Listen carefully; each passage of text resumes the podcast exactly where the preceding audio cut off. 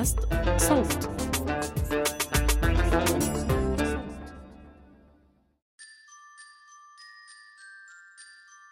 التفكير في اليوم التالي للحرب مرعب ولا نعرف متى سيكون مثل هذا اليوم نظرا للرخصة المفتوحة للقتل والممنوحة لدولة الاحتلال.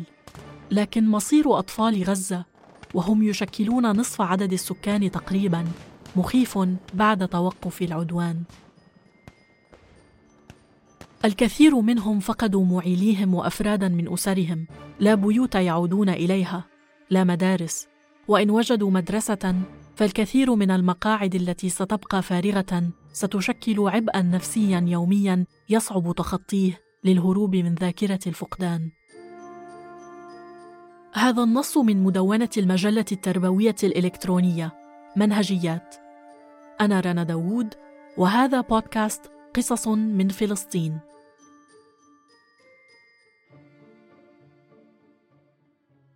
كتب عدد من المعلمين والمعلمات الفلسطينيين المقيمين في قطاع غزة نصوصا نشرتها منهجيات ونسجلها نيابة عنهم بالتعاون مع المجلة.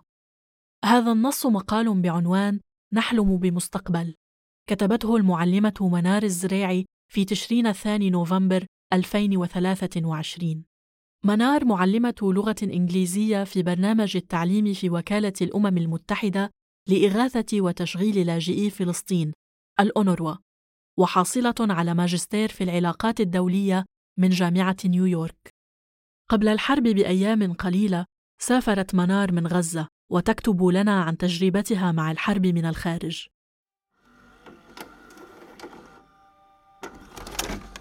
تقول منار تحدثت مؤخرا بمعية مجموعة مميزة من المعلمات والمعلمين من القدس ورام الله وطول كرم وسلفيت في فعالية نظمها طلاب الدراسات العليا في جامعة هارفارد حول التعليم والتعلم في فلسطين وممارسات الاحتلال الإسرائيلي الممنهجة لتقويض العملية التعليمية. بدءا من قتل الأطفال الآمنين وتدمير أحيائهم ومدارسهم التي تحولت إلى مراكز إيواء كما حدث في مدرسة الفاخورة التابعة لوكالة الغوث الدولية الأونروا في العدوان الجاري على قطاع غزة وصولا إلى الإرهاب الممنهج ضد طلاب المدارس في المدن الفلسطينية كافة وتوقيفهم على الحواجز العسكرية وتفتيشهم ومضايقتهم. كان أحد أهم الأسئلة التي طرحت علي خلال الفعالية ما أكثر شيء يفاجئك في طالباتك في غزة؟ تأثرت بهذا السؤال بشدة لأنه ذكرني بالقوة والصمود اللذين يمكننا أن نتعلمهما من أطفالنا خصوصا في هذه الأوقات الحرجة. أجبت بأن أكثر ما يفاجئني في طالباتي قدرتهن على الحلم والتفكير في المستقبل في منطقة يعيش فيها الناس حياة مع وقف التنفيذ. لديهن رغبات وطموحات لا تختلف عن تلك التي يحلم بها الأطفال في مناطق أكثر استقرارا وأمانا. تحلم بعضهن بمهنة في المجال الطبي وأخريات في مجال التكنولوجيا والعلوم وأخريات في مجال الأدب والتاريخ والصحافة ومواقع التواصل الاجتماعي وريادة الأعمال وغيرها الكثير حتى إن بعضهن يطمح للسفر إلى الفضاء. استطعت خلال الأيام الماضية تواصل مع زميلاتي التي يعملن في الإرشاد النفسي في مدرستي التي تحولت حاليا إلى مركز إيواء لآلاف الأسر النازحة. أخبرنني أنه لم يعد هناك متسع داخل المدرسة لاستيعاب أعداد النازحين. لذلك تعيش العائلات التي لا تجد مكانا في خيام في محيط المدرسة. يحاول فريق الإرشاد النفسي في المدرسة تقديم الدعم النفسي الاجتماعي للعائلات وتنفيذ أنشطة تفريغ انفعالي للأطفال. يريد الأطفال أن يتوقف القتل ويتوقف أزيز الطائرات الحربية وتتوقف أصوات القصف. يريد الأطفال أن يعودوا إلى بيوتهم ويناموا في أسرتهم.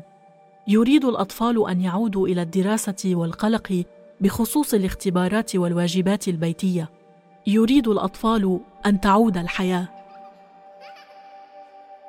ذهلت عندما أخبرتني زميلاتي عن قلق الفتيات بخصوص اختبار الثانوية العامة التوجيهي حيث تركن كتبهن المدرسية في بيوتهن في المناطق الشرقية والشمالية.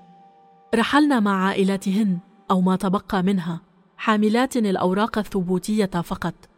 حيث لا يسمح جيش الاحتلال بحمل أكثر من ذلك خلال النزوح عبر ما يسميه الطريق الآمن. تقتبس زميلاتي من إحدى الفتيات. خايفة لما تخلص الحرب. ما ألحق أدرس للاختبارات. ترغب الفتيات في خوض الاختبار والتفوق والالتحاق بالجامعة على الرغم من قصف العدو للمدارس والجامعات والمشافي والشوارع والبنية التحتية. ما زالت لدى الفتيات القدرة على الحلم والتفكير في المستقبل من داخل الملاجئ المعرضة للقصف في أي لحظة. غادرت غزة للالتحاق ببرنامج الزمالة الأطلسية للعدالة الاجتماعية والاقتصادية في كلية لندن للاقتصاد والعلوم السياسية قبل شهر من العدوان الإسرائيلي على مدينتي وأهلي. وخلال الأسابيع الماضية جاهدت نفسي كثيرا كي لا أنهار أمام الفظائع التي ترتكب بحق كل من وما أحبه وأكترث له. حاولت مرارا العودة إلى غزة لأكون بالقرب من عائلتي. أريد العودة حتى إذا كتبت الحياة لعائلتي أعيش معهم ولو كتب لهم الموت أموت معهم. فالمستقبل لا يعني لي شيئا إن لم تكن عائلتي فيه. ولأنني فشلت حتى الآن في إيجاد طريقة لأكون بالقرب منهم أو حتى أن أخرجهم إلى مكان آمن.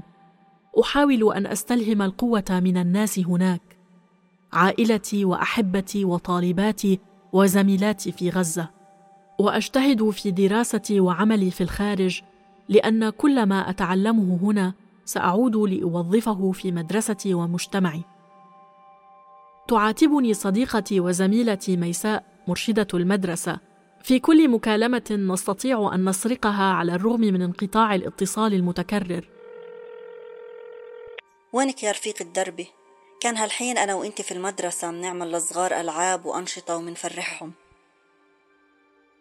تجرحني كلماتها كل مرة لأنني حقا أشعر بأن لا شيء أفعله خارج غزة يضاهي الدور الذي كان يمكنني فعله هناك لكنها مشيئة الله. نحلم بمستقبل آمن وعامر بالفرح لنا ولأحبتنا ولأطفالنا. مستقبل يستطيعون فيه تحقيق أحلامهم وطموحاتهم على أرضهم وتحت سمائها الزرقاء. حيث تستبدل الطائرات الحربية وقنابل الفوسفور بالطائرات الورقية والبالونات والعصافير.